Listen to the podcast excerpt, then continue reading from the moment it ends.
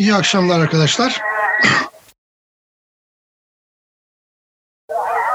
Munköz okumaların üçüncüsünü bugün gerçekleştireceğiz. İlk iki okumada hatırlarsanız büyük bir daireden başladık.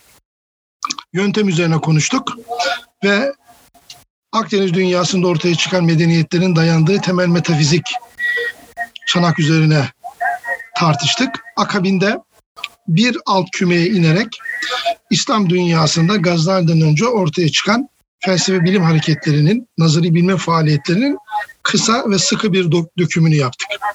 Bugün bir alt kümeye ineceğiz ve Gazali'nin yaşadığı dönemde, zaman aralığında, sahnede nasıl bir siyasi ve ilmi ortam vardı ve Gazali bu ortamda ne tür bir macera yaşadı? Ee, bunun bir özetini vermeye çalışacağım. Şimdi Gazali'nin malum bildiğiniz gibi 1058'de doğdu. 1111'de vefat etti. Yani 53 yıl yaşadı bu dünyada. Şimdi bu döneme baktığımız zaman 1058-1111 İslam dünyasını şöyle göz getiriniz. Endülüs'ten Çin'e kadar haritayı bir tahayyül ediniz hayal dünyanızda. En uçta Endülüs var. Endülüs e, Gazali'nin takip ettiği bir coğrafya. E, akabinde hemen aşağı indiğimizde Kuzey Afrika ve Mısır Fatimilerin kontrolünde.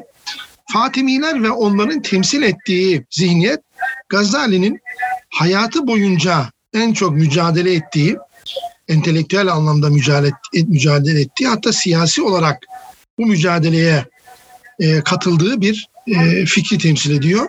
Munkız'daki e, batiniler dediği ya da talimiyun dediği e, talim değil yalnız matematikçiler anlamında değil. E, Fatimilerin temsil ettiği bir zihniyet. İsmaili, talimi, bunlar yeni eflatuncu. Bunlar üzerine ayrıntılı duracağız. Ve İhvan-ı Safa Gazali'ye göre bunları özellikle temsil ediyor. Munkız'da yanlış hatırlamıyorsam İhvan-ı Safa Risale'ne iki kere atıf var. Ee, öyle fazla bir esere atıf göremezsiniz şeyde Munkız'da. Gazali'nin hayatı boyunca e, mücadele ettiği en önemli e, okuldur. E, şeyin Fatimiler. Tabi bu Fatimiler öyle basit bir kültür değil. Orada İbn Yunus diye büyük bir astronom var. İbn Heysem orada yaşamış. Gazali'nin zamanında Şiraz'da yaygınlaştıklarını görüyoruz. Aynı zamanda Hasan Sabbah ve Alamut Kalesi hikayesini hepiniz biliyorsunuz Selçuklu döneminde. E, Fatimiler ve onların Abbasilerdeki e, ne diyelim temsilcileri olan Büvehiler, Abbasi vezirleri ve Orta Asya'daki uzantıları Gazali'nin hayatında en etkili olan siyasi ve fikri hareket hatta bir tetiş hareketi olarak da düşünülebilir. Bu e, çok ciddi bir şeydir İslam dünyasında. E, Hasan Sabbah'ın kalesini, Alamut Kalesi'ni biliyorsunuz Hulagu ancak alabilmiştir. Şimdi bu öyle hafif bir şey değil arkadaşlar. Onun üzerine duracağız. Şöyle düşünün. E, yarın sabah kalktınız. E, Amerikan Devlet Başkanı suikaste kurban gitmiş. Ne olur dünyada? Yani biraz tarihi meseleleri böyle düşünmeniz lazım. Bugün olsa ne olur? Bu ifadeyi bir kenara not alın. Bugün olsa ne olur? Ya da Allah göstermesin Türkiye'de böyle bir şey olsa ne olur? Şimdi düşünün bu hareket, bu batini hareket, Fatimilerin organize ettiği hareket Nizam'ın mülkü öldürecek, Fahrul Mülk'ü öldürecek, e, pek çok entelektüel alime suikast tertip edecek değil mi? Yani dönemin en büyük devletinin vezirini öldürecek bunlar. Dolayısıyla orada yaşayan entelektüel olarak bir alim olarak sizin bu süreçten etkilenmemiz mümkün değil. O açıdan Fatimiler ve onun temsil ettiği biraz yeni Platoncu, biraz e, Pitagorasçı, biraz eski İran kültürüyle, Pehlevi kültürüyle karışmış, biraz İslam böyle farklı iç içe geçmiş yapıların temsil ettiği bir fikriyat, batiniler ya da talimiler Gazali'nin hayatı boyunca en çok uğraşacağı şeylerdir. Ee, hemen merkeze geldiğiniz zaman Abbasiler var e, şüphesiz ama Abbasiler artık siyasi bir iktidar değiller. Zaten e, devlet yönetimini, bürokrasiyi de bu hiler yönetiyor ki bunlar Fatimilere yakın. E, biraz daha doğuya doğru gittiğinizde Saman oğulları ya da Samaniler, e, ibn Sina burada, e, 1037'de vefat etmiş. Hemen biraz gittiğiniz zaman Gazneliler, İbn Irak ve Biruni gibi iki büyük alimin yaşadığı coğrafya ve biraz daha uca gittiğiniz zaman Karahanlılar, Yusuf Asacip ve Kaşgarlı Mahmud'un bulunduğu dünya. Dolayısıyla böyle bir e, coğrafya var. Biraz ötesinde Bizans, hemen yukarıda kuzey tarafta ve e, aynı dönemde siyasi olarak en önemli faaliyetlerden bir tanesi de biliyorsunuz Haçlı Seferleri. E, bu bağlamı iyi bilmeniz lazım. Yani Gazali'nin canını yakan, acıtan neler? 1099 yani Gazali'nin ölümünden 3 yıl önce Kudüs Haçlıların eline geçiyor. Bir yıl önce de tabii iki yıl önce de e, Antakya ele geçiyor. Dolayısıyla böyle bir e, ortam var. Tam böyle bir ortamda yani Gazali doğmadan hemen önce e, 1058 yani 18 yıl önce e, 1040'ta Dandanakan Savaşı'yla e, Selçuklular siyasi bir güç olarak İslam dünyasında yükselmeye başlıyorlar. E, ve 1055'te Bağdat'a gelerek Tuğrul Bey'in komutasındaki Selçuklu ordusu Abbasi hilafetini e, Büveyhilerin e, etkisinden kurtarıyor. Dolayısıyla Fatimi e, şeyden etkiden kurtarıyor. Şimdi burası önemli. 1055'te e, Turul Bey Bağdat'a geldiği zaman İslam dünyasında bizim çok dikkatimizden kaçan bir şey oluyor aslında. Biruni, meşhur Biruni, zannediyorum yanlış hatırlamıyorsam bunu El Atharul Bakiyan Kurunul Hali adresinde e, bahsediyor bundan. İlk defa fetva ile e, ferman arasında bir ayrım ortaya çıkıyor. Ha bu önemli bir şey.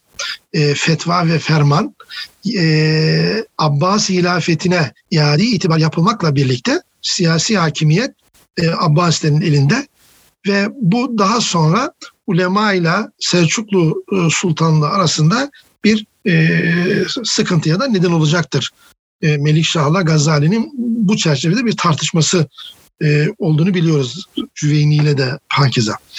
Şimdi Büyük Selçukluların yükselmesiyle birlikte İslam dünyasında yeni bir yapı başlayacak ama bu sabahtan akşama olmayacak tabii. Dolayısıyla Gazali'nin doğduğu bağlam tam da böyle bir bağlam. Yani nedir o? İslam dünyası e, bölük pörçük politik olarak e, merkezi güç e, Abbasiler e, iktidarını büyük oranda kaybetmiş. Çeşitli devletler hatta devletçikler var. E, siyasi olarak bir parçalanmışlık söz konusu.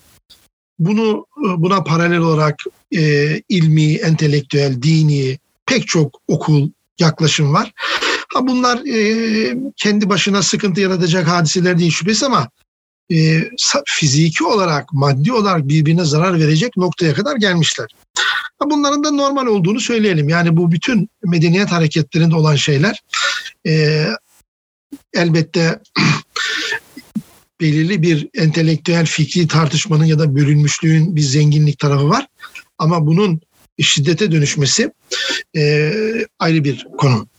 E, öte yandan İslam coğrafyasının küçülmesi de söz konusu.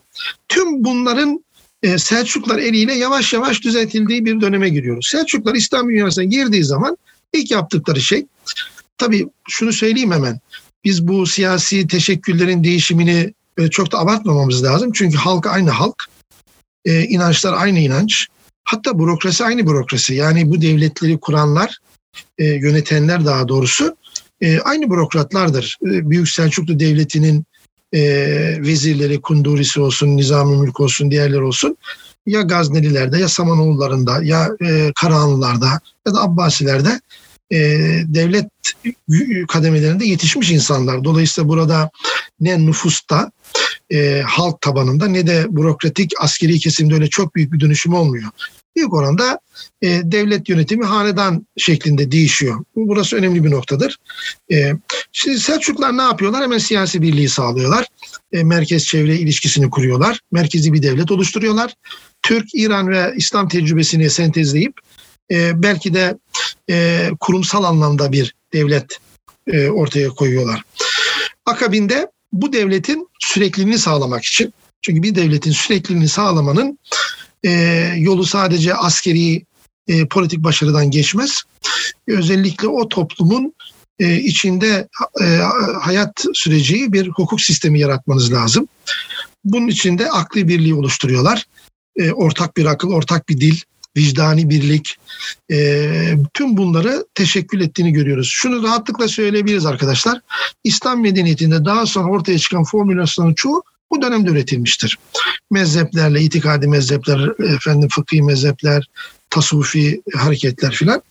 Ve e, bunu sağlamak için de Selçuklar medreseleri e, 1065'te başlayıp 1067'de Nizamiye medreseleri en meşhur Bağdat Nizamiye Medresesi olarak görülür ama medreseler İslam tarihinde biliyorsunuz medeniyet eskidir. Karahanlarda, Gaznelerde var.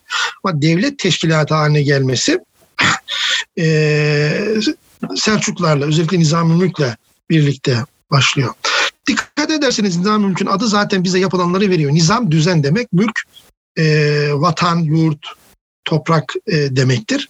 Dolayısıyla Nizam-ı Mülk e, e, o bizim meşhur dinu devlet, mülkü milletteki din, devlet, millette var. Mülk vatan demek aslında bugünkü anlamıyla. O siyasal iktidarın e, etkin olduğu, nüfuzunun bulunduğu coğrafyaya mülk deniyor. E, dolayısıyla şeyin nizami mülkün başardığı bu. E, nizami mülkün medrese sisteminin özelliği vakıf kurumları olması. Dolayısıyla mali özelliğinin olması ve parasız eğitimi e, yerleştirmesi bu açıdan önemli. Şimdi e, siyasi tedbirin yanında bu ilmi tedbir niye gerekli?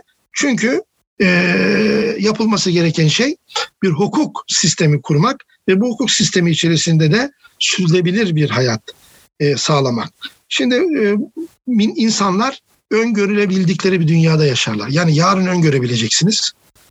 E, bir e, 20 yıl öngörebileceksiniz. Ne kadar önünüzü görürseniz o kadar e, toplum olursunuz. Bunun da sağlanabilmesinin asgari şartı hukuk kurmaktır. Bir fıkıh, fıkhın öne çıkması Gazali'nin hayatından bahsederken göreceğiz.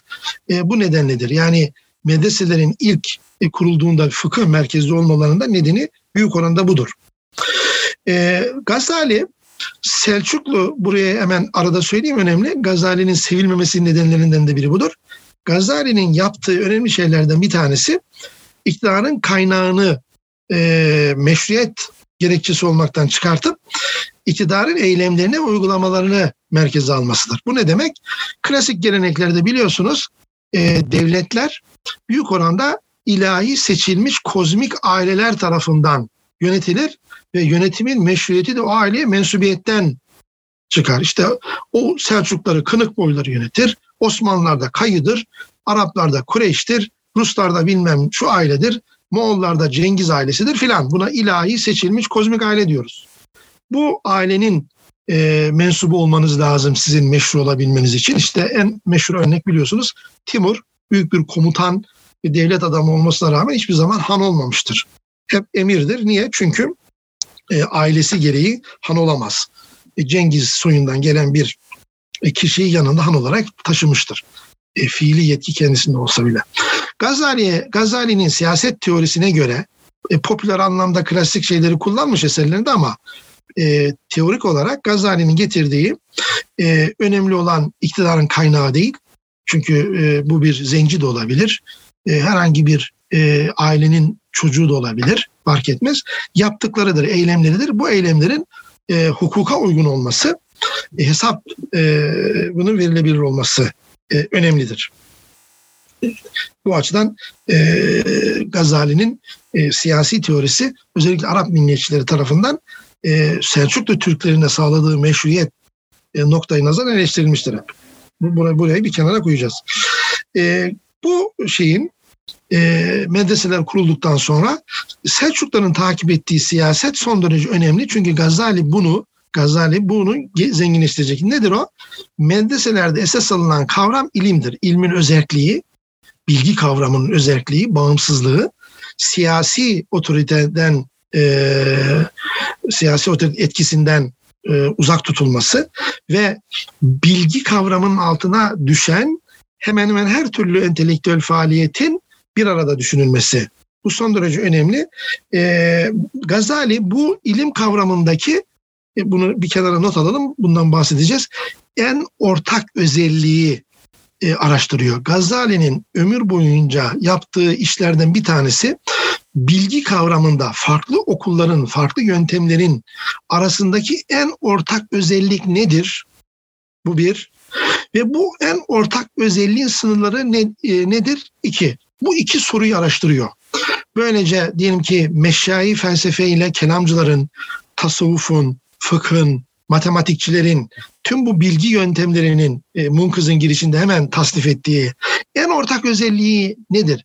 Bu en ortak özellikten pay aldıkları oranda medreselerde bu bilgiler yer bulacaktır. Burası bak buraya çok dikkat edelim arkadaşlar. Bu en ortak özellik neyse bunun için henüz konuşmuyorum onu bir yarınki derste Munkız'ın girişinde söyleyeceğim.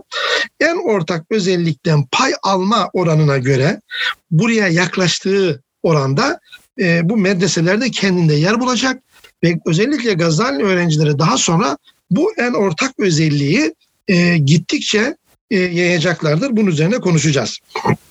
Ve bu çerçevede e, Gazali'nin yine çok sıkı bir şekilde gündeme getirdiği bilginin hiyerarşik yapısını e, bu medreseler üzerinden e, kurmaya çalışıyorlar.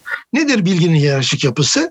Yani bilgi kendine has bir dil geliştirmeli ve bu has dil bilgiyle uğraşan insanlara açık olmalı. E, bu bilginin öncüllerinden haberdar olmayan toplum katmanlarına yansıyıp fitne fesada neden olmamalı. Onun için kelam herkese okutulamaz, felsefe herkese okutulamaz, matematik herkese okutulamaz. Tabii yani bu okutulamaz derken burada belirli ailelere, belirli o anlamda değil.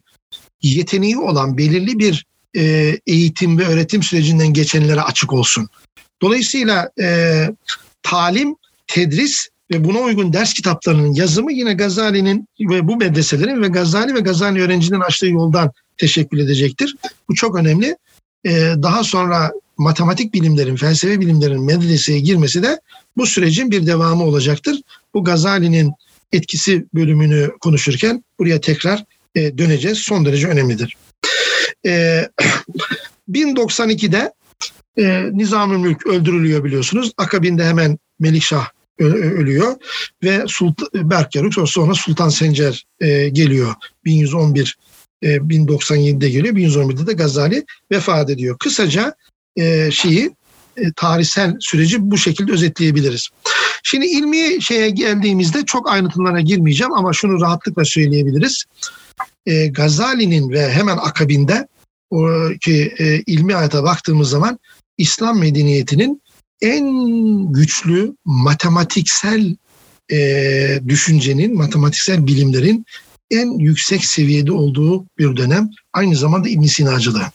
Şimdi bu e, Gazali'den sonra İbn Sinacılık bitti diyenler bunu biraz araştırsınlar. Tabi okumayınca metinleri e, böyle söylersin. Biliyorsunuz Sultan Sencer 60 yıla yakın, 60-65 yıla yakın dönemde e, iktidarda kalmıştır. Hemen Gazali'den sonra. Şimdi bu döneme baktığımız zaman Sultan Sencer'in etrafındaki bilim adamları, e, edipler, matematikçiler, tabipler, e, inanılmaz birinci sınıf adamlar. Ben bunların hepsine girmeyeceğim. Sadece size e, İbn Sina, şey, Gazali'nin yaşadığı dönemde İslam dünyasındaki İbn Sinacı felsefenin e, ve biraz da matematiğin seyir seferinden biraz kısaca bahsedeceğim ama. Sadece zihninizde bir iz oluşsun. Daha sonraki okumalarınızda bunu görürsünüz. Şimdi hatırlayın İbn Sina 1037'de öldü. İbn ise 1039'da vefat etti. Kadı Abdülcebbar 1025'te. Bakillani 1013'te. Bunlar hemen e, Gazali'nin ki bunlar etkileri devam ediyor. İbn Sina Kafacı e, Gazali'nin çağdaşı olarak son derece önemli bir isimdir. Dilci ve e, en önemli iddialarından biri hakikatin idrakinde dilin e, yerinin ne olduğu konusu Gazali'nin çağdaşı. E, yine bu tarihte Behmenyar e, 1066'da vefat ediyor. İbn Sina'nın doğrudan talebesi Tahsil adlı eserin yazarı ve onun öğrencisi Lefkeri 1100, 1123 e, İbn Sinacılığın e, üçüncü kuşak büyük temsilcisi Beyanül Hak kitabının yazarı ve onun öğrencileri. Bunlar hepsi Gazali'nin çağdaşı ve Gazali'den hemen sonra ölen insanlar. İlaki, Ömer Savi, bunlar birinci sınıf filozoflar yalnız ha. Meyheni, Fendurci, Hasan Mervezi, Muhammed Mervezi, Gilani, Sarahsi. 1150'ye kadar devam eden bir silsile. Ee, bir sürü isim var. Bunların hepsi İbn Sinacı gelenek. İbn Sinacı geleneğin İslam dünyasında ortadan kalkması büyük oranda Moğolların e, o bölgedeki katliamlarıyla alakalıdır. Ömer Hayyam İbn Sina, şey, Gazali'nin bizzat görüştüğü ve takdir ettiği bir büyük e, düşünür, matematikçi. 1132 ölümü. İsfahan Rasathanesi kuruyorlar. Orada Celali takvim Melikşah için bir takvim hazırlıyorlar biliyorsunuz. Burada İsfizari büyük bir mekanikçi aynı zamanda fizikçi, Vasiti, Beyhaki hem filozof hem astronom ve Abdurrahman Hazini bizdeki en önemli matematiksel fizik e, okulunun mensuplarından. E, meşhur Hanefi fakih usulcüsü Pezdevi, Zemahşeri değil mi? E, bunların hepsi e, Gazali'nin ya e, çağdaşı ya e, e, onun döneminde yetişmiş bir sonraki nesli belirleyen e, o giriş dersinde söylediğimiz o bütüncül hafıza dediğimiz üç neslin dikkat alarak konuştuğumuzda e, bu yapıyı oluşturan isimler. Endülüs'e baktığımız zaman orada İbn Hud, muhtemel İbn Hud meşhur matematikçi, Kadı Said el-Endülüsü, Ebu Salt ve meşhur filozof İbn Bacce e, hemen hemen Gazali'nin çağdaşlarıdır. İslam dünyasının o kısmı da çok aktif. E, zaten Gazali'den hemen önce biliyorsunuz e, Gazali ile e, çocukken vefat eden İbn Hazm. E, dediğim gibi sadece bu örnekleri vermem zihninizde bir resim oluşturmaktır. E, İslam medeniyeti sürekliliği olan bir medeniyettir. O dönemin ulaşım, iletişim şartlarına rağmen e, yazma kültürüyle e, bilgiyi dolaşıma sokan bir medeniyet olmasına rağmen inanılmaz sürekli olan bir medeniyettir. Yani siz e, herhangi bir düşünürü alıp e, diyelim ki Osmanlı döneminde ya da İran'da ya da Hindistan'da yaşamış geriye doğru arkadaşlar e, şeye kadar götürebilirsiniz. E, ilk dönemlere kadar Ömer Hayyam'a kadar efendim götürebilirsiniz meseleyi. Şimdi bu bağlamda bu bağlamda Gazali e, ortaya çıkıyor, doğuyor. E, Zeynüddin ya da Hüccetül İslam Ebu Hamid Muhammed el Gazali. E, iki meşhur Gazali var. Bir de onun 10 yaş küçük kardeşi Ebu Feth Ahmet el Gazali. Biri kelam usul e, mantık konusunda İslam medeniyetine e, mühür vuruyor. Öbürü ise e, tasavvuf alanında e, tasavvufun İslami normlar ve sınırlar içerisinde e, kalmasını sağlayan ış kavramının bir tür İslam metafiziğini, İslam metafizik çanağına uygun yorumunu e, yapan düşünür oluyor. Dolayısıyla iki Gazali e, iki farklı alanda e, İslam medeniyetine etkide bulunuyorlar. E, Tus'ta doğuyor biliyorsunuz bugünkü Meşet. E, babası e, ip eğiricisi deniyor işte Gazel Gazali. E, ölümüne yakın e, çocuklarını bir sufiye teslim ediyor. Bu önemli Gazali'nin hayatında. E, bu Farmedi denilen, denilen o dönemdeki meşhur bir sufinin Kuşeyri'nin talebesi. Ona teslim ediyor ve burada bir tasavvufi terbiye alıyor ve bu kişi e, bunların iki Gazali'nin, iki çocuğuna yetişmesine neden oluyor. Bu sırada meclislere devam ediyor. E, ve e, 15 yaşındayken e, fıkıh, TUS'ta fıkıh eğitimine e, başlıyor. 1077'de Curcan'a gidiyor. Orada 5 yıl kalıp eğitim görüyor. E, meşhur olay da o dönemde yaşıyor. Eşkıya olayını biliyorsunuz. Eşkıya yolundan kesip her şeyini alınca bari notlarımı verin diyor. Niye diyorlar? E çünkü benim ilmim orada. Sen bunları niye kafana bellemedin, hafızana yerleştirmedin deyip dalga geçiyorlar. Ondan sonra Gazali biliyorsunuz e, özellikle hadis e, derslerinde müthiş bir performans gösteriyor. Çünkü çok üstün bir zeka ve güçlü bir hafızası var. E, 22 yaşında Nisabur'a gidiyor ve Cüveyni'den ders alıyor işte. Burada e, Cüveyni ona kelamı, mantığı, usulü fıkı ve biraz da felsefi öğretiyor. Şimdi bu önemli. E, Munkız'daki taksimatı dikkate aldığınız zaman Sufi terbiyeyi ta gençliğinde, çocukluğunda almaya başlıyor. Dolayısıyla onda ciddi bir iz bırakıyor. E, Nisabur'a geldiği zaman bizzat şeyden, e, Farmedi'den, e, e, Ebu Ali Farmedi'den zaten ders alacak. E, şeyde ise, e, Nisabur'da ise Cüveyni'den hem mantık, hem usulü fıkıh, hem mantık, hem de felsefe dersi alıyor. Çünkü geçenlerde de dedi ki Bakillani ile beraber özellikle Cüveyni'de meşa, şey, e, şaf, e, Eşari kelamı tas, felsefi konulara doğru yöneliyor. Ve burada ilk meşayilikle yüzleşmesini yaşıyor.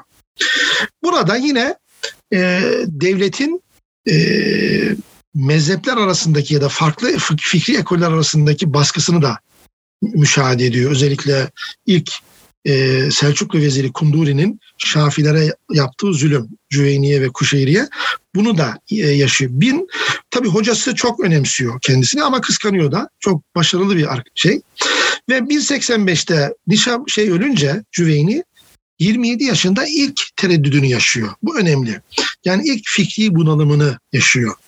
E, yaptığı işi sorguluyor. Ama yaşı çok genç. E, sorgulama şu demek arkadaşlar. Varlığa tutunmanızı sağlayan gerekçeleriniz elinizden kayıyor. Bu önemli bir şey. İnsan kendini niye sorgular? Ne yapıyorum ben? Bu bunun bu yaptığım işlerin anlamı ne? Yani bir tür anlamlandırma bunalımı yaşıyorsunuz. Yaptığınız işler, bulunduğunuz yer, ilişkileriniz bu bir e, anlam bunalımıdır. Anlamlandırma bunalımıdır. Gazali'nin 27 yaşında 27 yaşında işte ilk tereddüt e, bu varlığa tutunmasının gerekçelerini bir sorguluyor. Bu önemli bir şey. Bu kadar zeki, bu kadar birikimi var ama mizacı biraz sorgulamacı, şüpheci bir mizaç. E, fakat bu yaşta tabii bu tür sorulardan kurtulmanın en kolay yolu onu buluyor. Nedir o? Gürültüye sığınacaksınız. Gürültüye. Yani hayatın e, keşmekeşine kendinizi meşgul etmeye çalışacaksınız. O da onu yapıyor. Ve e, 28 yaşında Bağdat'a Nizam-ı Mülk'ün karargahına gidiyor. Bunun çok çeşitli nedenleri var ama e, orada büyük edipler ve alimlerle birlikte 6 yıl vakit geçiriyor. E, eğitim alıyor. 6 yıl e, tartışmalara katılıyor, göze giriyor. Fakat 28 yaşına geldiğinde Nizam-ı Mülk onu çok iyi karşılaması, onu takip ettiklerini ve ününü e, bildiklerini gösteriyor. Şimdi burada Gazali Münkız'da bu dönemi anlatırken çok enteresan bir tabir kullanacak. Sahne oyunu. Yani orada aslında e, kendi e, yapıp ettiklerini bir tür riya ve gösteri, şöhret kazanma, kendini gösterme, e, zekasını, bilgi birikimini e, izhar etme, ifşa etme olarak e, söyleyecek ki bu çok önemli bir noktadır. Gazali kendine karşı da çok kritiktir, eleştiridir. Ve bu başarısının neticesinde 1091'de Nizamiye müderris olacak. 300 ileri gelen öğrenci yetiştirecek ve devletin politikasına uygun olarak fıkıh ağırlıklı bir e, çalışma içerisinde gelecek. Biraz önce dediğim fıkıh devletin fıkıh önem vermesi, fakihlere önem vermesi kurduğu siyasi düzenin merkez çevre ilişkisine göre örgütlediği düzenin sürekliliğini sağlamak. Onu bilgiyle yapmak. Bunun üzerine e, Munkız'ın önümüzdeki hafta e, konuşacağım. Munkız'ın esas hedefi nedir anlatırken bu konuya döneceğim. Burada yazdığı hem e, e, şeye geldiği zaman 28 yaşında Bağdat'ta Nizam-ı Mülk'ün yanına geldiğinde 1092'ye kadar e, yazdığı eserlere 25'e yakın eser yazıyor. Yaklaşık 8 yıl, 10 yıl içerisinde ve bunların çoğu e, fıkıh kitabı arkadaşlar. Bunların hepsine girmeyeceğim. Kitaplardan bulabilirsiniz. Ama bu fıkıh e, çalışmaları hem furu hem e, furu büyük, büyük oranda furu fıkıh yavaş yavaş e, mantığa doğru da bir kayış görüyoruz. Ve 1092'de Nizami Mülk e, öldürülünce, akabinde de Melikşah öldü, e, ölünce e, bir tekrar bir e, sorgulamaya geçiyor ve felsefeye yöneliyor. Daha önce Cüveyni'nin yanında ve kendi e, eğitim hayatında felsefe öğrenmiş ama felsefe derken burada matematik bilimleri de içerecek şekilde büyük bir e, mecmuyu kastediyorum. E, iki yıl kendisini felsefi eğitime, o klasik felsefe kitaplarına veriyor. Bir yılda bu fikirler üzerine düşünüyor. 1094'te Mekasıt'ı yazıyor. 1095'te de Tehafut'u yazıyor. Mekasıt felsefeyi nasıl anladığına dair bir metin. E, zaten bildiğimiz e, o dönemdeki İbn Sinacılığın e, bir alt şekildeki ifadesi ama güçlü bir ifadesi ki Latince'ye tercüme edildiği zaman Gazali'nin bu kitabı e, üzerinden Gazali büyük bir İbn Sinacı filozof olarak e, okuyor Latinler uzun süre. E, 1095'te e, tekrar ikinci büyük bir kriz yaşıyor. Buradaki kriz bir hakikat ve usul krizi. Yani hakikat nedir? Bu hakikate hangi yöntemlerle ulaşılır? E, krizi olarak hep anlatılır ama aslında bu bir ahlak krizidir aynı zamanda. Burada e, Munkız okumalarındaki birinci iddiamızı e, dillendirebiliriz. Munkız esas itibariyle e, bir ahlak e, metni olarak okunabilir. Gazali'nin krizi sadece bir hakikat ve yöntem krizi değildir. Esas itibariyle bir ahlak krizidir. Aynı zamanda bunların yanında ama merkezde olan ahlak krizidir. Hem e, burada bireysel ahlak hem de toplumsal ahlak anlamında bir kriz. Kendi şahsında yaşadığı e, ve e, toplumun, İslam toplumunun içinde bulunduğu durum. Bu yine onda e, 27 yaşında yaşadığı o varlığa tutunma e, ve anlamlandırma problemini e, nüksettiriyor ama artık daha üst bir seviyede. Çünkü çok daha donanımlı ve yetişmiş bir insan e, mevcut yöntemlerin e, yetersizliğini, doğru bilgiyi, hakikate ilişkin bilgiyi tespitte yetersizliğini fark ediyor. Ama daha da önemlisi bu bağlamın yarattığı bireysel ahlak zaafını da fark ediyor. Ee, bu arada Munkız'ın tasnifine de dikkat ederseniz görürsünüz. E, tasavvufun e, Munkız'da yer almasının nedeni e, bu ahlak bunalımıyla da alakalı. Ve burada çok büyük sıkıntı yaşıyor biliyorsunuz. Öyle kolay feshetmiyor, bırakmak istiyor, nefsine ağır geliyor. Şöyle düşünün arkadaşlar.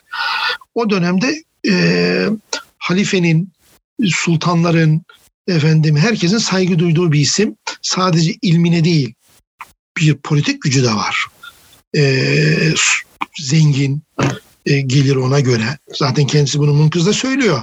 Yani bir e, babanın evlatlarına bırakacağı e, en güçlü mirası bıraktım. Hatta çok fazla olduğu için mirasının bir kısmını, büyük bir kısmını da bağışlıyor e, bu karar verdiği zaman.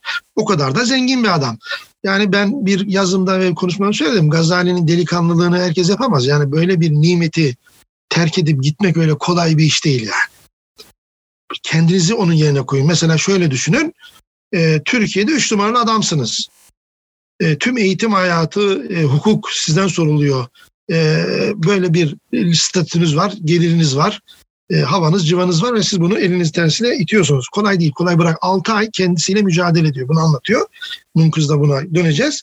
Ve en sonunda bırakıp e, kimseyi de kırmak istemiyor. Hacca gitmek için yola çıktığını söylüyor. Şam'a gidiyor. Şam'da İhya'yı kaleme alıyor. E, e, Şam'da diyorum affedersin Kudüs'te. Sonra oradan Kudüs'e geçiyor. Şam'da Emevi Camisi'nin şerefesinde tefekküre dalıyor. Hatta işte biliyorsunuz o Bağdat'taki 6 aylık e, kendisiyle hesaplaşma döneminde fiziksel bir etki de yaşıyor. E, midesi ağrıyor, başı dönüyor, konuşamıyor. E, doktorlar tabii en üst doktorlar muayene ediyorlar. Bunun psikolojik olduğuna karar veriyorlar. E, yani adamın yaşadığı tereddüt, şek, şüphe e, fiziğine vuruyor Gazali'nin. Bu kadar sahici bir adam. Yani bu numara olmaz yani. Dolayısıyla e, Şam'da gittiğinde de benzer bir süreci yaşıyor. Oradan Kudüs'e geçiyor ve Kudüs'te İhya'yı yazıyor. E, İhya eseri ıslah olarak da, tecdit olarak da okunabilir. İhya ulum, tecdid ulum, islah ulum. Bu ne demek? Şimdi burayı çok iyi anlamamız lazım Gazali'nin projesi açısından. E, bu ihya neyi ihya ediyor? Bilim, bil, bilim, bilim disiplinlerini mi ihya ediyor? İslam'ı mı ihya? Hayır teklifin içeriğini bilince taşımak dediğimiz bir hadise var. Müceddit demek arkadaşlar yeni yap, bir şey yapan demek değil. Ya, sıfırdan bir şey yapamazsınız zaten. Tecdit esas itibarıyla bireysel ve kurumsal alışkanlık haline dönüşmüş fikirlerin tekrar bilinç içeriğine taşınması demektir tecdit. Müceddit de bunu yapan kişidir. Yani İslam toplumu 400 yıllık bir toplum. Belirli alışkanlıkları var. Belirli kurumlarını kurmuş ve bu bir ritim yaratıyor. Her ritim bütün oluşturur. Bu ritim bütün ilişkisi bir tekrara dönmek demektir. Ve siz artık o hareketleri e, sebeplerini bilmeden, belirli bir bilince eşlik etmeden yaparsınız. Gazali'nin ihyadan anladığı, İslah'tan anladığı, tecdiden anladığı e, İslam'ın teklifinin tekrar bilince taşınması, çağın koşullarına uygun olarak yeniden ifadelendirmesidir. İhya'nın İhya projesinin amacı budur. Yoksa orada ilimlerde büyük bir dönüşüm yapmıyor. Bunu yaparken de e, biçim yanında duyguyu da, duygu durumunu da dikkate almasıdır. Yani İhya'nın böyle bir özelliği var. Sadece nazariyata değil aynı zamanda gönlüne de hitap eden bir tarafı var. Niçin bunu yapıyor? E, bilginin nazari kalması belli bir kesimin istifadesi içindir ama e, duygu formlarını da taşıması daha büyük kitlelerin en azından okuma yazma bilen kitlelerin e, de istifadesini sağlar. İfade ve istifade kelimesi burada iki anahtar kelimedir. Yeniden ifadelendiriyorsunuz ama bunun amacı istifadeyi arttırmak içindir. Ve dolayısıyla Gazali'nin buradaki amacı bireysel ve toplumsal bir islahı yani teklifin, e, vahyin teklifinin tekrar bilinçlere taşınması e, ve yeniden ifadelendirilmesi amacını güdüyor. E, Munkız da bunun e, ipuçlarını bize veriyor zaten. Şimdi buradan sonra Gazali biliyorsunuz Mekke'ye e, oradan Bağdat'a geçiyor. 1106'da Nisabur'a e, dönüyor. Özellikle Nizami Mülk'ün oğlu Fahrül Mülk e, onu Nizamiye'de tekrar ders vermesini istiyor ve kabul ediyor, kırmıyor onu. Fakat Fahrül Mülk'ü de e, tıpkı babasının olduğu gibi batiniler öldürüyorlar. Burada da yine Gazali e, batinlere karşı eserler yazıyor. Gazali'nin en çok eser yazdığı okul ya da görüş batinilerdir arkadaşlar. E, El Fedail Batiniye, Hüccetul Hak, ondan sonra Kıstas-ı Mustakim gibi 5-6 tane eseri var. Onun için batinler kısmına e, şey yapacağız. Dikkat ederseniz Munkız'da iki bölüm çok geniştir. Bir felsefe, bir de batınlar kısmı. E, tabir caizse bunun üzerine ayrıntısı konuşacağız ama batınlardan nefret ediyor Gazali. Buradaki nefreti entelektüel bir nefret olarak alın. Yoksa kimseyi yok etme peşinde değil Gazali o açıdan. E, onun da nedeni batinlerin bireyi ortadan kaldırması, bireyin özneliğini, özne olmasını ortadan kaldırması. E, hakikate yönelmede, hakikati bilmede, idrak etmede e, birey ile e, o hakikat arasına, o gerçeklik küresindeki nesne arasına muhakkak birini koyma. E, masum birini, seçkin birini koyma. Bu Gazali'ye çok ağır geliyor tabii. E, bu öznelliğin ve bireyselliğin ortadan kaldırması zaten hiçbirimiz bunu e, ilkece kabul etmeyiz. Ama bunun tabii nedenleri var. Yani batinilik öyle basit bir fikir hareket değil. Çok ciddi e, tezleri var. Onlar üzerine de konuşacağız şüphesiz. E, daha sonra TUS'a geçiyor ve TUS'ta bir medrese kuruyor. Medresede ilim e, tahsili yapıyor. Akabinde de bir hanka kurup orada da irşat faaliyeti yapıyor. İlimle ameli birlikte tutuyor. Yani hem seçkin entelektüel zihinleri yetiştirmek hem de bunları belirli bir nefis terbiyesine tabi tutuyor. Böylece ilim ve ameli e, bir arada bir irfan e, oluşturacak şekilde bir arada tutuyor. Ve bu dönemde Munkız Mined Dalali yazıyor. İla, e, İlcamul Avam an ilmil kelamı yazıyor ve Mustasfa yazıyor. Şimdi buraya dikkat edelim. Son derece önemli bir nokta. Şimdi arkadaşlar şöyle bir örnek vereyim size. Russell biliyorsunuz felsefe tarihinde kendi yazdığı felsefe tarihinde Heidegger'e yer vermez. Çünkü onu filozof kabul etmez. Bu bir iddiadır, bir tezdir olabilir. Şimdi Russell'ın ölmeden iki yıl önce çünkü Mustafa'yı 1109 ya da 1110'da yazıyor. 1111'de vefat ediyor. Yani bir iki yıl önce Russell ölmeden iki yıl önce Heidegger felsefesini savunan ve insanlara tavsiye eden bir kitap yazsa Russell'ı nasıl yorumlarsınız? Dersiniz ki herhalde fikir değiştirdi değil mi adam? Ya da e, Russell'ın fikri gelişiminde bunun bir yeri olması lazım. Yoksa ortaya şizofreni bir şey çıkar. Şimdi e, ölmeden bir ya da iki yıl önce Mustasfa diye bir eser yazmak anlamı nedir? Neydi hatırlayın? Mustasfa min ilmül usul. İslam medeniyetinde yazılmış ve kendinden sonra e, e, usulü fıkı belirlemiş bir eser. Usulü fıkı neydi? Bir tür algoritmaydı. Bir tür matematikti. Ne anlamda? Bilinenlerden hareket ederek bilinmeyeni bulmak. Ve bu çok ciddi bir nedenselliğe dayanır. Unutmayalım. Fıkıh e, illet kavramına dayanır. Yani o illet meselesi, illiyet meselesine geleceğiz. Şimdi Gazali madem e, her şeyi bıraktı artık tasavvufi, sufi bir şey, milletin anladığı şekilde söylüyorum. Bir yönelimi var. Niye usulü kitap yazıyor ki?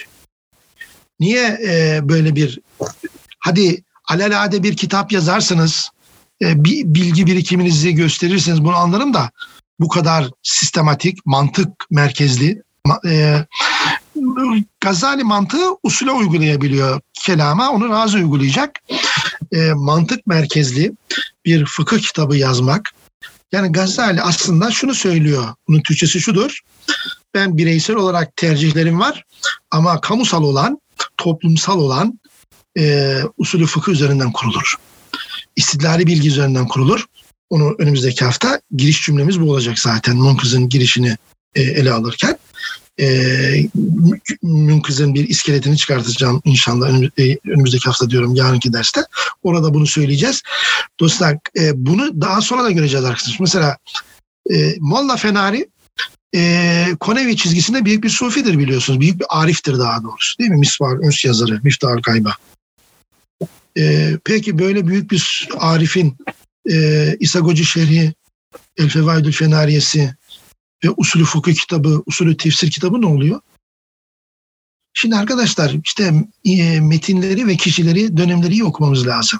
Bu insanların bireysel tecrübeleriyle kamusal tercihleri arasındaki dengeyi kurmamız gerekiyor. Anlatabiliyor muyum? Ee, bu o kadar önemlidir ki Molla Fenari böyle yapmakla e, ilmiye teşkilatının başında bulunduğu Osmanlı Devleti'nin ve kamusal hayatının güzergahını da belirlemiş oluyor. Paylaşılabilir, en e, paylaşılabilir bilgiyi, en ortak özelliğe sahip bilgiyi, istidlali bilgiyi, gidimli, çıkarımsal akla dayalı bilgiyle toplumu kurulacağını ama kendi bireysel perspektifinin farklı olabileceğini de göstermiş oluyor. Gazali'nin Mustafa İsmail yazması bu açıdan sonra dönünce önemli. Bunun üzerine konuşacağız. Diğer bir konu İlam, e, İlcamul Avam an ilmil kelam. Gazali'nin e, bu kitabın adını biliyorsunuz. Halkın e, ilmi kelamdan gemlenmesi, uzak tutulması. E, bu hani e, felsefe eleştiriyordu. Felsefenin uzak tutulması değil, kelamın uzak tuttan uzak tutulması. Şimdi Gazali biliyorsunuz e, kendi projesi etrafında yine Munkuz'un girişinde e, analiz ederken göreceğiz. Her şeye kritik bakan bir insan. Fakat bu kritik, hiyerarşik bir kritisizmdir. Yani bilginin katmanlı yapısını e, insanların e, nasıl diyelim çağdaş bir tabirle IQ'sünü dikkate alarak, emeklerini dikkate alarak, e, öğrenim ve öğretim tarzlarını dikkate alarak belirli bir hiyerarşi içerisinde verilmesini önemsiyor. Bilgiyi yasaklamıyor. Sadece e, müsait olmayana, bu müsaitliği nasıl belirleyeceksiniz? Bu kamusal ortamlarda belirli şeyler belirlenir zaten. Yani e, kabının müsait olmadığı insanlara verilmemesini. Kelam öğrenilsin. Zaten adam kendisi kelamcı. E, ama e, bunun popülerize, bulgarize edilmesinin toplumda yarattığı sıkıntıları görüyor. Özellikle batıniliğin neden olduğu sıkıntılara. İhvan-ı Safa e, cemi şeyinin grubunun e, ortaya çıkar sıkıntıları görüyor. Dolayısıyla e, yazdığı son kitaplardan birinde birinin kelamın da hiyerarşik bir şekilde öğretilmesi gerektiğini söylemesi bu açıdan da önemli. Ve tabii bizim e, ana konumuz olan Munkız e, yine bu dönemde e, kaleme alınıyor. Gazali'nin bu şeyi e, bilginin hiyerarşik e, dizilişi ve öğretimde de belirli bir sıra düzeninin takip edilmesi anlayışı daha sonra Gazali'yi takip edenler tarafından e, özellikle Merv'de e, Sultan Sencer döneminde ve Harzemşahlar döneminde eğitim programına dönüştürülüyor biliyorsunuz. E, ders kitabı telif geleneği başlıyor. Belirli yazım teknikleri geliştirilip bilginin özellikle e, üst nazari bilginin kendine ait bir dilinin oluştuğunu görüyoruz. E, metin, hoca ve öğrenci merkezli eğitim geleneği de Gazali'nin bu uyarıları neticesinde ortaya çıkıyor. Dolayısıyla e, konuya vakıf olmayan, öncülleri bilmeyen, belirli bir istidlali e, yeterlilik kazanmamış e, kişilerin konuya dahil olup e, bilgiyi teşviş etmeleri e, ve belirli toplumsal kavgaların, çatışmanın ortaya çıkmasının engellenmesi sağlanmış oluyor ki bu Gazali'nin e, yönteminin pratikteki eğitim ve öğretim hayatındaki etkisi açısından son derece önemli bir e, özellik gösterir. Monkız bütün bunların bir tür e, bize hulasasını veren bir eser. E, dediğim gibi e, önümüzdeki ders yarın yani yarınki okumada, dördüncü okumada e, şu sorulara cevap arayacağız. Munkız'ın bir iskeletini vermeye çalışacağım. İkincisi Munkız'ın gayesi nedir? E, bilindiği ya da söylendiği şekilde literatürde bir e, hakikat krizi, krizi, bir yöntem krizi, e, buna ilişkin Gazali'nin çağını teşri etmesi midir? Yoksa bir ahlak, krizi midir? Bunun üzerine konuşacağız. Şimdi sorulara e, geçebiliriz çünkü bir saati doldurduk neredeyse. Evet, e, soruları alalım. E, bu arada şunu söyleyeyim ben şu anda YouTube'u göremiyorum Zoom'dayım. Dolayısıyla ne soruluyor e, ne yapılıyor bilmiyorum arkadaşlar. E, o açıdan bazı arkadaşlar gün sonradan bakıyorum soru soruyorlar. E, bunlar görülmemiş gibi. Konuyla alakalı soru soralım her şeyden önce. E, tutup e, hazır bulmuşken e, Google muamelesi yapmayın yani. E, genel soruları sormayalım. Bugünle alakalı soru soralım. Şimdi sorulardan bir tanesi yeni bir metafizik sistem kursak bu işi zorunlu olarak fizikle mi yapmalıyız yoksa temelde metafizik sistemi kurup sonradan ilimleri kurulan metafiziğe göre yapmamız mümkün. Böyle bir sıra düzeni e, her zaman yani tavuk yumurta ilişkisi gibi bu. Bunlar birlikte yapılan şeyler büyük oranda. Ama e, genelde metafizik dediğimiz hadise, teoloji değil ama onu söyleyeyim. Metafizik dediğimiz hadise e, bilimlerin bize verdiklerini de kullanarak yaptığımız bir hadise olduğu için e, bilimlerin tek tek bilimlerin, disiplinlerin olması lazım. Yani fizik dünya hakkında bizim bir kanaatimiz olması lazım. Matematik nesneler hakkında, sayı hakkında ve diğer matematik e, entiteler, temel entiteler hakkında fikirlerimiz olması lazım. E, ki metafiziği, metafizik demek arkadaşlar teoloji demek değil. Tabii metafizik birkaç anlamda kullanıyor. Tümel bilgi deniyor. Bilimlere ilkesini veren e, en genel bilim, e, soyutları araştıran ya da varlık olarak varlığı araştıran deniyor. Pek çok tanımı var ama e, biz bugün metafiziği anlamda anlamıyoruz büyük oranda. Dolayısıyla bunlar e, karşılıklı gidiş olan, birbirine bağımlı yapılar. E, illa oradan hareket edip oraya, oradan hareket edip buraya gideceğiz diye bir şey söz konusu değil.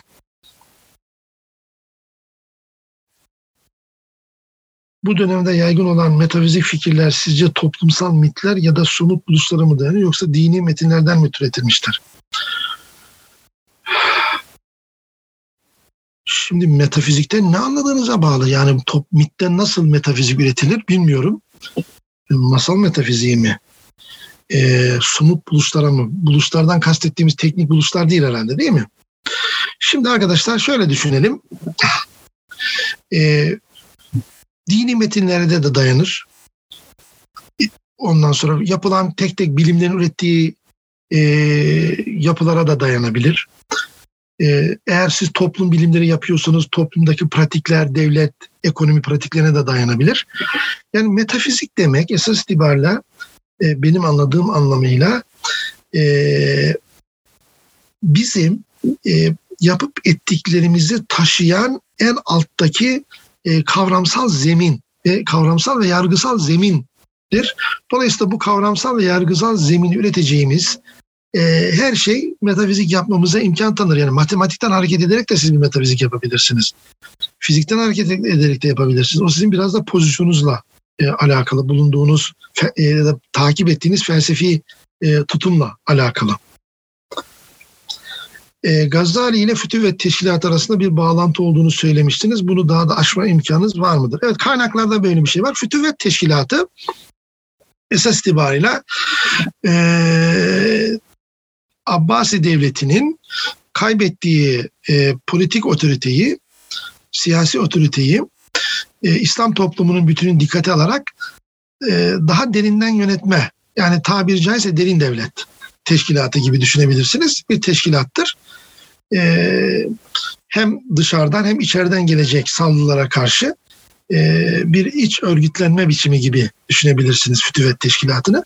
E, Gazali'nin de e, toplumsal bilinci, e, siyasi bilincini dikkate aldığımızda o tekil siyasi konularla ilgilenmese bile e, bu Fütüvet Teşkilatı'na alakalı olduğu, ilişkili olduğu kaynaklarda e, işaret ediliyor çok öyle ayrıntısını ben de bilmiyorum açıkçası. E, ona bakmak lazım. Evet başka soru var mı? E, evet zaten bir saati de doldurduk. Evet.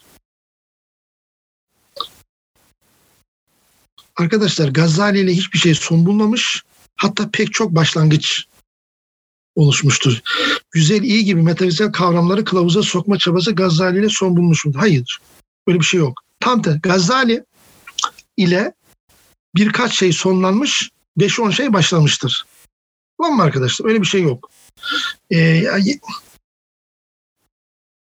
hayatının farklı dönemlerinde farklı yönelimleri olan Gazali'nin değişmeyen çizgisi ne olabilir? Güzel bir soru bu. Ee, çok güzel bir, bir soru. Şimdi e, Gazali'nin değişmeyen e, şeyi e, çizgisi İslam metafiziğinin e, temel imkeleri yani e, geçen derslerde ifade ettiğimiz kurucu e, zemin terimler, kurucu terimler ve bu kurucu zemin terimlerin e, belirli yorumları. Gazali yer yer bu semantik terimlerde e, kendi hocalarıyla da anlaşamaz. Bunu da söyleyeyim. Ama e, metafizik çanakta Gazali'nin değişmeyen çizgisi o. Hiçbir zaman ondan taviz vermiyor. E, gayet doğal bu. Zaten e, arkadaşlar her türlü düşünce faaliyeti minimal bir metafiziğe dayanır. Marksizmin de minimal bir metafiziği vardır. Kapitalizmin de vardır. Rasyonalizmin de vardır. Ve bu, bu minimal metafizik sistemin kendisine uygulanmaz. O açıdan sistem e, kapalı değildir. Yani e, şöyle çok basit bir örnek. E, her şey deneysel olmalıdır diyelim empirizmin temel ilkesi olarak bunu alalım. Her şey deneyseldir, deneyseldir. Deneyden elde edilir, deneyimden elde edilir cümlesini kendisi deneyimsel olmayabilir. Bu bir ilkedir. İlkeler e, kendisine uygulanmaz. Bu açıdan e, meta, minimal metafizikler her sistemde vardır. E, ve bu minimal metafizik olmadan sistem kuramazsınız. Bu bir tür e, nedir? Bir denizde işte bir okyanusta size bir katılık sağlar ve oradan yükselir. Bir zemin oluşturursunuz oradan yükselirsiniz. Dolayısıyla Gazali'nin de minimal bir metafiziği var. Ve bu minimal metafizikte İslam metafiziğidir. Zaten e, Gazali'nin en önemli çabası e, oluşturacak alem tasavvurlarında İslam metafiziğinin e, semantik terim düzeyinde e, daha güçlü ifadesini sağlamaktır. Aynı şekilde kardeşinin yaptığı da sufi ışk e, kavramı etrafında yine İslam metafiziğinin e, maksimal düzeyde, en üst düzeyde e, temsilini sağlamaktır. E, değişmeyen çizgisi bu. Onun dışındaki her şey değişir tabii. Yani e, Gazali'nin fikirlerinde de çok ciddi değişimler olduğunu görüyoruz. E, hayatı boyunca eleştirdiklerinden sonra çok şeyler de alıyor. Hem İbn Sinacık'tan alıyor hem başka e, ekollerden alıyor.